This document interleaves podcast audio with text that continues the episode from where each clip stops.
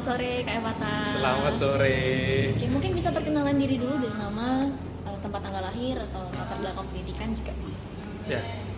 Selamat sore semuanya. Perkenalkan nama saya Fata. Saya lahir di Diri 1994. Nah, kebetulan saya pekerjaan sebagai dosen. Nah, pendidikan saya S1 Ilmu Politik dan S2 Pertahanan Nasional. Sedang menempuh pendidikan doktoral ilmu hukum. Wah, oke berarti sekarang masih ya? Masih. Masih. Masih. Doakan masih dong. Kuat ya. Kuat ya Kuat. oke. Berarti sekarang kesibukannya yang paling utama jadi dosen ya? Ya, kesibukan paling utama ya sebagai dosen dan sebagai mahasiswa. Oke. Nah, kenapa tuh pengen jadi dosen gitu? Alasannya apa? Eh, padahal kan Evata ini juga masih muda ya, masih muda banget gitu. Terus mau buat membagikan ilmunya itu motivasinya apa sih? Jadi itu semua tidak lepas dari satu keinginan saya supaya saya bisa banyak punya akses dalam berbicara sih. Sebenarnya filosofinya itu karena bagi saya ilmu pengetahuan dan segala sesuatu yang saya dapatkan ini sudah cukup untuk membahagiakan saya. nih. Nah sekarang bagaimana caranya saya membahagiakan orang dengan membagikan hal tersebut. Karena harapan dari saya sebagai manusia yang ada di muka bumi ini yaitu membagikan apa yang menjadi harapan kita bersama yaitu ilmu pengetahuan asik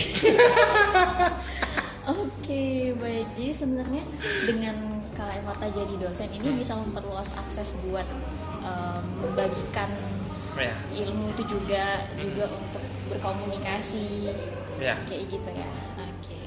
nah kayak ini juga punya banyak banget pengalaman ya jadi salah satunya pengalaman sebagai staf pribadi kepala kelompok staf ahli bidang ideologi politik markas besar angkatan darat mungkin bisa diceritain itu sebenarnya apa dan posisi kayak Fata tuh ngapain gitu kerjaan di sana hmm. jadi waktu itu tahun 2000 18 18 eh, ke 19 saya kerja di Mabes Angkatan Darat itu di Jakarta Pusat. Waktu itu tugas utama saya ya membantu sang kepala kelompok bidang ideologi politik itu untuk mengolah data-data dari kementerian yang telah didapatkan di sana.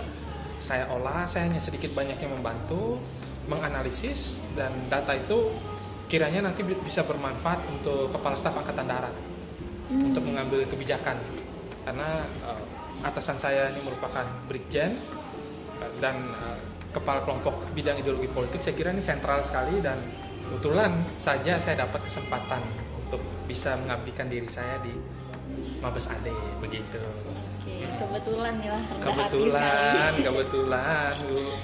Oke oke, itu berapa lama kira-kira? itu kurang lebih satu tahun Satu tahun. pada saat lulus S2 langsung sana Oh gitu, itu berarti memang direkrut gitu ya? ya rekomendasi dari dosen.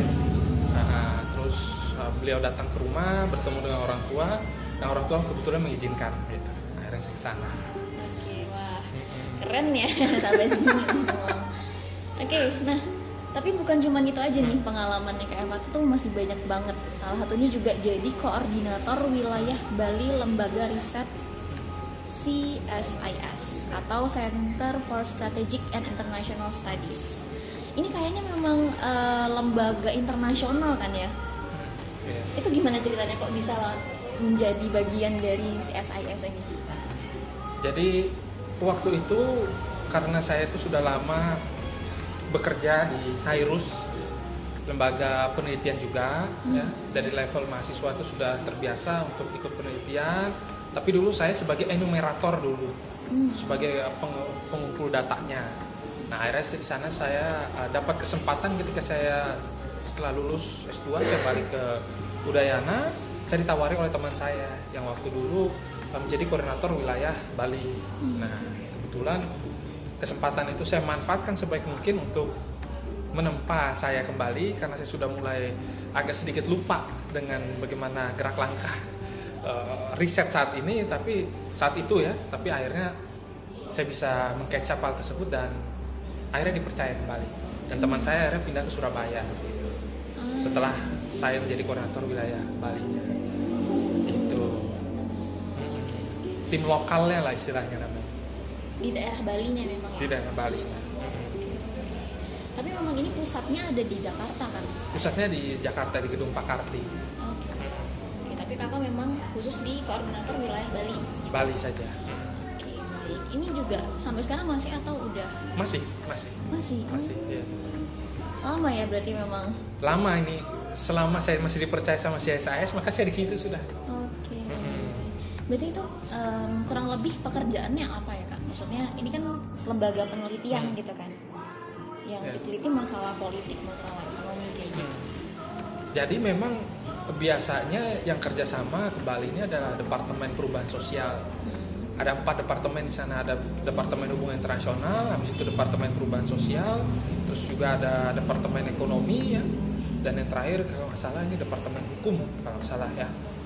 Nah di sana Departemen Perubahan Sosial ini yang seringnya mengadakan riset di Bali sebagai sampel. ya. Nanti di Bali itu dibagi lagi, ada sampel ketika mereka lebih cocok eh, ngambil sampelnya di Karangasem maka di Karangasem. Kalau ngambil sampel di Denpasar maka di Denpasar, atau ngambil sampel di Gianyar maka akan di Gianyar. Ah, Nah itu pertimbangan-pertimbangannya karena Bali ini daerah internasional ya kan, daerah yang punya banyak sekali uh, aspek-aspek yang bisa dikaji. Maka dari itu memang pekerjaan koordinator wilayah Bali ini agak sedikit ekstra. Salah satu uh, kota yang digadang-gadang harus memiliki sumber daya yang bagus untuk nanti mau bekerja sama dengan CSIS oh iya. itu.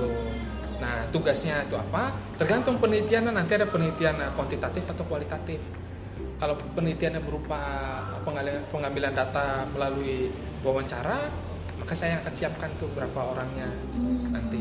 Kalau penelitian pengambilan data sampel, ya sudah, saya juga akan siapkan orangnya kurang lebih 40 orang.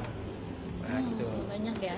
Banyak sekali dan banyak yang keluar juga, banyak yang masuk lagi, banyak yang nangis juga, nggak bisa nyelesain tugas ya, banyak aneh-aneh.